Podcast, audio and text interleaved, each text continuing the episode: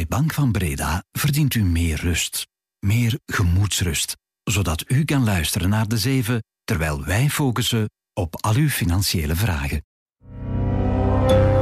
Welkom bij de zeven van de tijd. Dit is Lara Droesaert. Welkom bij deze De Zeven Extra. Misschien heb je deze week ook wel al in de file gestaan, of sta je er nu in. Ja, op verschillende snelwegen zijn er blokkades door boeren. En ook in de haven van Zeebrugge bijvoorbeeld. Trouwens, niet alleen in ons land laten boeren zo blijken dat ze boos zijn. Ook in de rest van Europa komen ze op straat, want ze hebben er nu echt genoeg van. Dat zegt ook Thomas Moors, een jonge varkensboer. Nu is het eigenlijk zo'n beetje de druppel en willen we eigenlijk echt dat er een verandering komt. Ja, wat is die druppel die de emmer doet overlopen? Welke oplossingen kunnen er komen vanuit de politiek? En heeft de Europese landbouw eigenlijk nog wel toekomst? Daar gaan we dieper op in met twee journalisten van de tijd. Welkom. Bij mij hier in de studio zit uh, aan de ene kant de landbouwexpert van onze redactie, Pieter Lambrecht. Dag Pieter. Dag Lara. En Daan Bleus van onze politieke redactie komt ook aanschuiven. Dag Daan. Dag Lara. De boerenprotesten die worden nu toch alsmaar grimmiger. Het is niet de eerste keer dat ze op straat komen, maar die hoeveelheid acties, is dat ongezien en, en de hinder? Hoe zie jij dat, uh, Pieter? Boerenprotesten zijn zeker niet uh, ongezien. In de, vorig jaar was er, uh, begin vorig jaar, een grote tractorenoptocht richting Brussel van Vlaamse boeren. Dat was dan vooral uit protest tegen het stikstofakkoord dat toen gesloten was. Maar uh, wat we de laatste dagen wel zien, is dat er meer en meer spontane acties ontstaan die een beetje los van uh, officiële organisaties zoals uh, Boerenbond georganiseerd worden. boeren uh, verzamelen zich in WhatsApp-groepen en uh, beslissen om met hun tractoren uh, de weg op te gaan. Er was vandaag een actie op de Antwerpse ring. We hebben dat ook gezien in Halle. de toegang tot de Brusselse ring die werd geblokkeerd. En komende donderdag is er een Europese top in Brussel, waardoor de verwachting eigenlijk is dat die hinder nog wel de rest van de week zal, zal aanhouden. -hmm. Hoe kijken boeren zelf naar de hinder die ze veroorzaken? We hebben voor deze opname gebeld met Thomas Moors, een jonge varkensboer uit Limburg is dat. Ik begrijp heel hard, ik leef eigenlijk ook een beetje met de mensen mee, want ja, het is natuurlijk niet fijn dat als je ergens moet zijn en je staat in de file. Maar we proberen eigenlijk een beetje de boodschap te brengen van kijk, wij staan de afgelopen drie jaar ook al stil. Wij kunnen geen meter vooruit. En als wij stilstaan, dan staat eigenlijk heel het land stil. En, en dat is eigenlijk een beetje de boodschap die ik denk dat, uh, dat we als jonge boeren daar nu willen, willen duidelijk maken. Daarom dat die blokkades er eigenlijk zijn. Zo langs de ene kant een stuk onbegrip creëren, maar we hopen natuurlijk op de lange termijn uh, wel een stuk begrip te creëren, waardoor dat de mensen achteraf terugkijken van ja, eigenlijk hadden ze wel gelijk. Ze willen zich dus uh, laten horen, maar niet alleen bij ons, ook in de rest van Europa zijn er heel wat protesten. Waarom zijn de boeren zo boos en waarom loopt de emmer nu eigenlijk plots over? er zijn eigenlijk twee dingen. Hè. Enerzijds van lidstaat tot lidstaat zijn er heel verschillende uh, redenen van de kwaadheid van de boeren. Mm. Uh, in Nederland en Vlaanderen is er het stikstofverhaal bekend. In Frankrijk voelden boeren zich een beetje het slachtoffer van uh, de strijd van de Franse regering om goedkope winkelprijzen te garanderen, waar zij dan in hun prijzen niet genoeg van in terugzien. In Duitsland was er kwaadheid over uh, subsidies die geschrapt werden voor, uh, voor landbouwers. In Oost-Europa zijn de lidstaten ontevreden over de import van goedkoop Oekraïns graan en vlees, waardoor hun prijzen gedrukt worden. En anderzijds, dat komt eigenlijk allemaal een beetje bovenop frustraties die al bestonden in Europa over de, de Green Deal. Dat is het project van Europa om tegen 2030 de CO2-uitstoot met 55% te reduceren. Een heel belangrijk onderdeel daarvan is de Farm-to-Fork-strategie. Dat is eigenlijk het uh, onderdeel van de Green Deal dat de klimaatimpact van de landbouw moet uh, reduceren. Mm -hmm. En daar zitten heel wat uh, pakket maatregelen in die eigenlijk rechtstreeks een impact hebben op de bedrijfsvoering van de naar schatting 9 miljoen Europese boeren. Het gaat over natuurherstelwet om de biodiversiteit op te krikken, pesticidenregels, mestregels, stikstof vloeit daar onrechtstreeks ook uit voort dat komt eigenlijk in een context, en dan moeten we even teruggaan in de geschiedenis. Um, in een context van een zeer liberale wereldmarkt eigenlijk voor landbouwproducten. De Europese boeren moeten in concurrentie treden met uh, andere delen van de wereld waar dat soort regels vaak niet gelden. En dat maakt dat ze hun concurrentiekracht soms onder druk zien staan. En wat je ziet is dat de, de boeren dan op het einde van de rit daar niet voldoende inkomen aan overhouden. In, Vlaanderen lag het gemiddelde inkomen van de boeren tussen 2012 en 2021 17,5% lager dan dat van gewone loontrekkende. Dus uh, ook dat verklaart een deel van de kwaadheid en uh, is een van de redenen waarom dat ze nu massaal de straat op komen. En om even in te zoomen op Vlaanderen, we zien daar dat nog maar 15% van het inkomen van de boer bestaat uit subsidies. Tegelijkertijd zijn zij gebonden aan uh, de vrije markt en, en hebben zij ja, afnemers die zeer machtig zijn, dus die, die uh, kunnen afnemen aan een lage prijs. Dus aan de inkomsten kunnen zij niet superveel veranderen. En dan krijg je heel die evolutie van klimaat- en milieuregels. Sommige zijn zelfs nog virtueel, maar ze zien het al op zich afkomen. Die er eigenlijk voor zorgen dat ze, neem nu stikstof, moeten investeren in emissievrije stallen. Dus ze maken meer kosten uh, hun kosten stijgen, op hun inkomsten hebben ze weinig invloed en dus uh, zien zij hun marges krimpen. En dat is een beetje de verklaring voor dat ongenoegen, die mengeling. Ja, op deze manier is het niet meer houdbaar, zeggen ze. Um, dat zegt ook boer Thomas over de Green Deal. we gaan eens luisteren. Ja, het is misschien duurzaam voor natuur, maar niet duurzaam voor de boer. Dat is eigenlijk de samenvatting van de Green Deal. Uh, de boer kan dit eigenlijk niet toepassen in Europa. Het, gaat gewoon te ver. Uh, we zeggen hier aan tafel al eens dat de slinger is doorgeslagen. Net zoals elk bedrijf gaat dat een natuurlijke groei moeten aangaan. En je kunt dat niet op, op vijf jaar tijd of op tien jaar tijd door iemand zijn strot rammen en zeggen van ja, alstublieft, uh, ga nu maar verder, want, want dat draagt niet iedereen.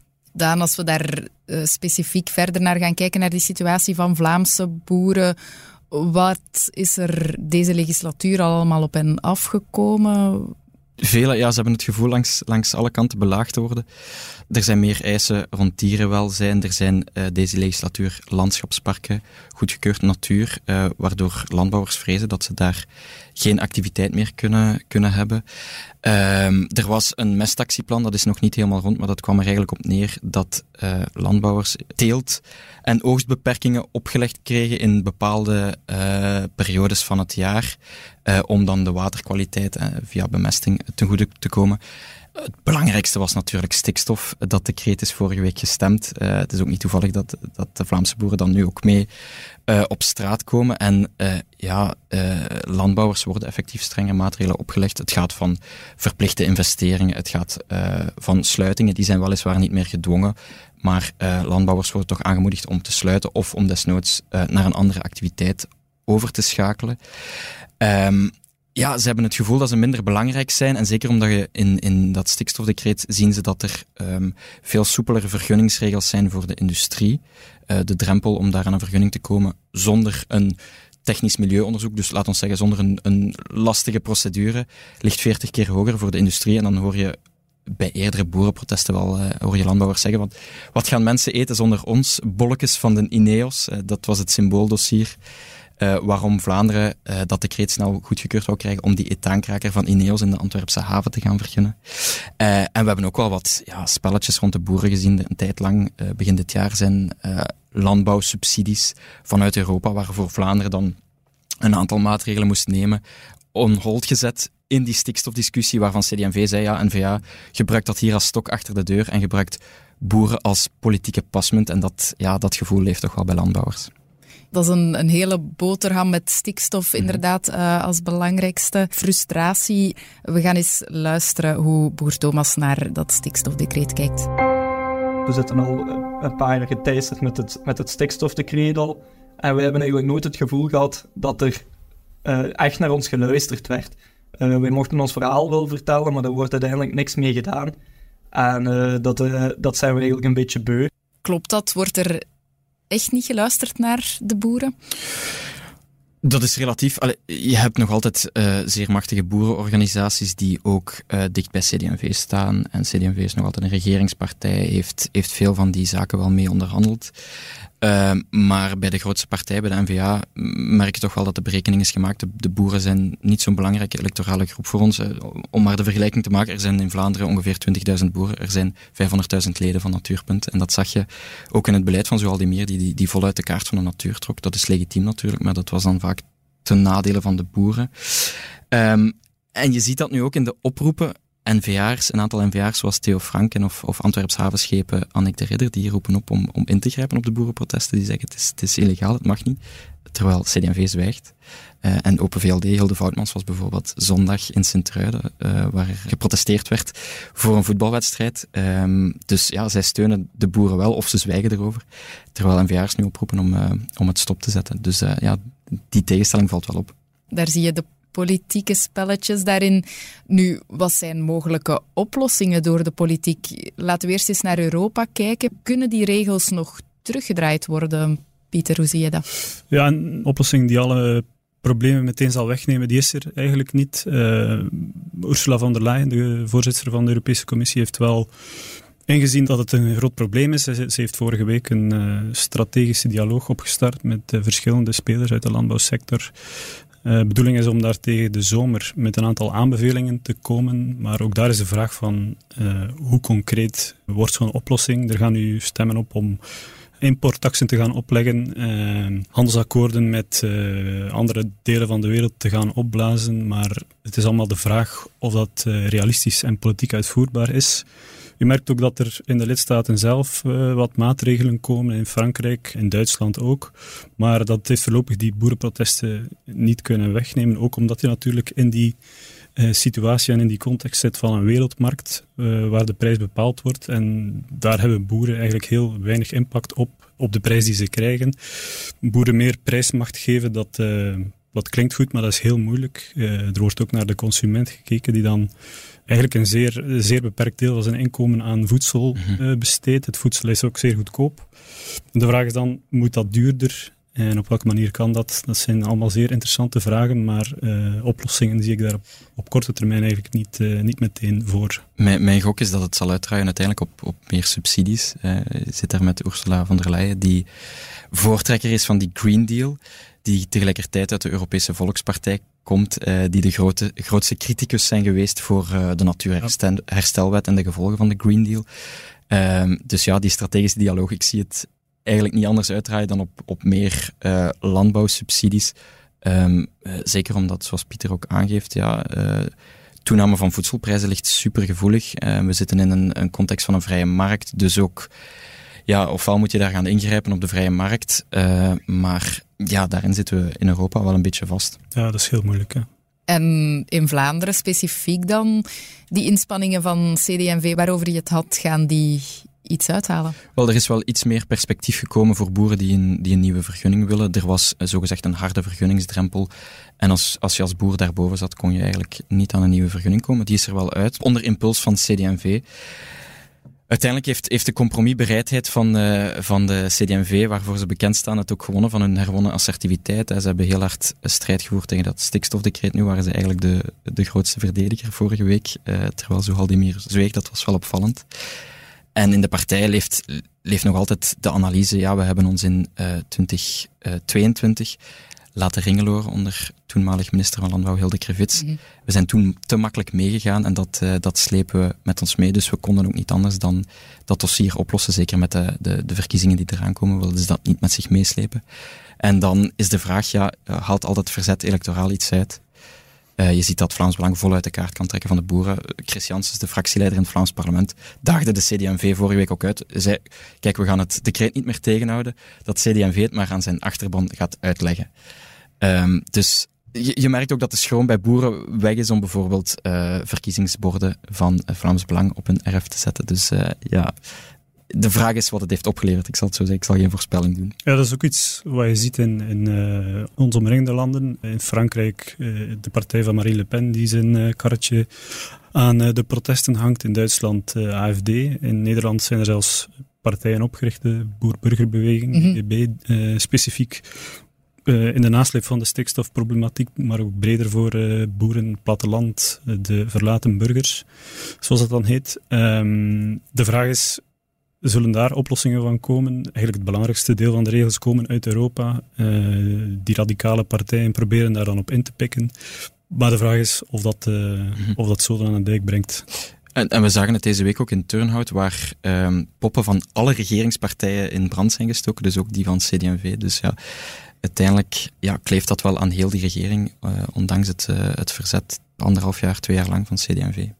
Ja, dat kan nog een rol gaan spelen bij de verkiezingen. Nu heeft de landbouw echt nog een toekomst? Of denken jonge boeren, zoals Thomas, eraan om alweer te stoppen?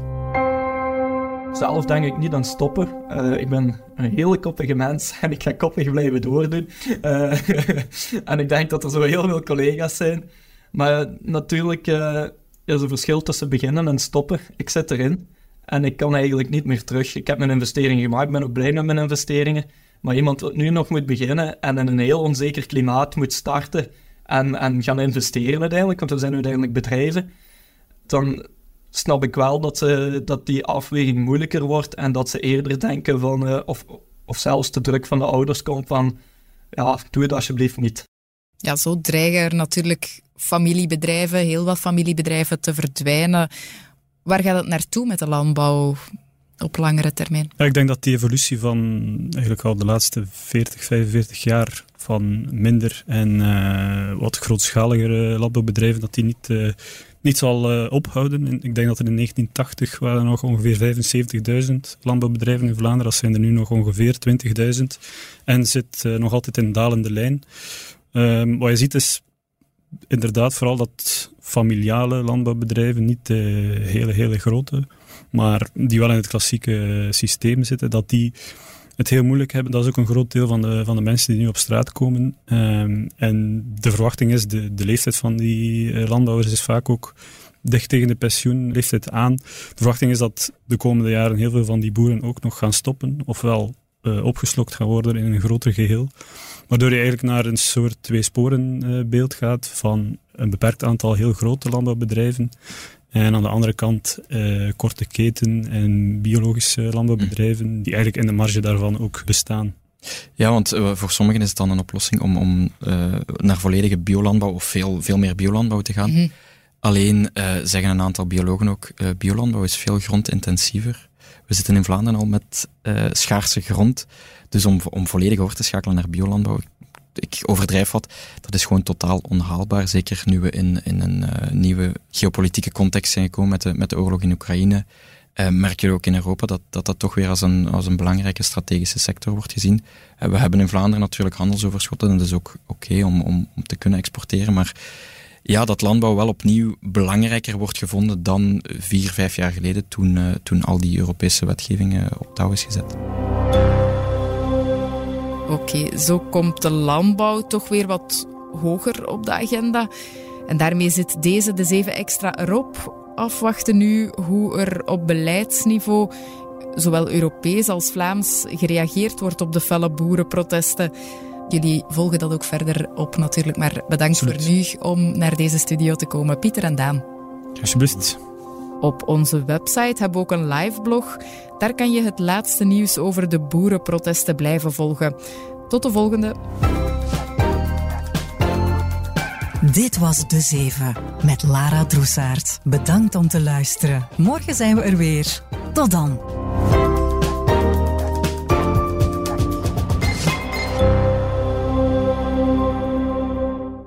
U verdient meer tact. U verdient meer contact. U verdient meer oogcontact met uw financiële partner, die ook oog heeft voor uw financiële situatie. Ook u verdient meer Bank van Breda. Professioneel en privé. Bank van Breda. Enkel voor ondernemers en vrije beroepen.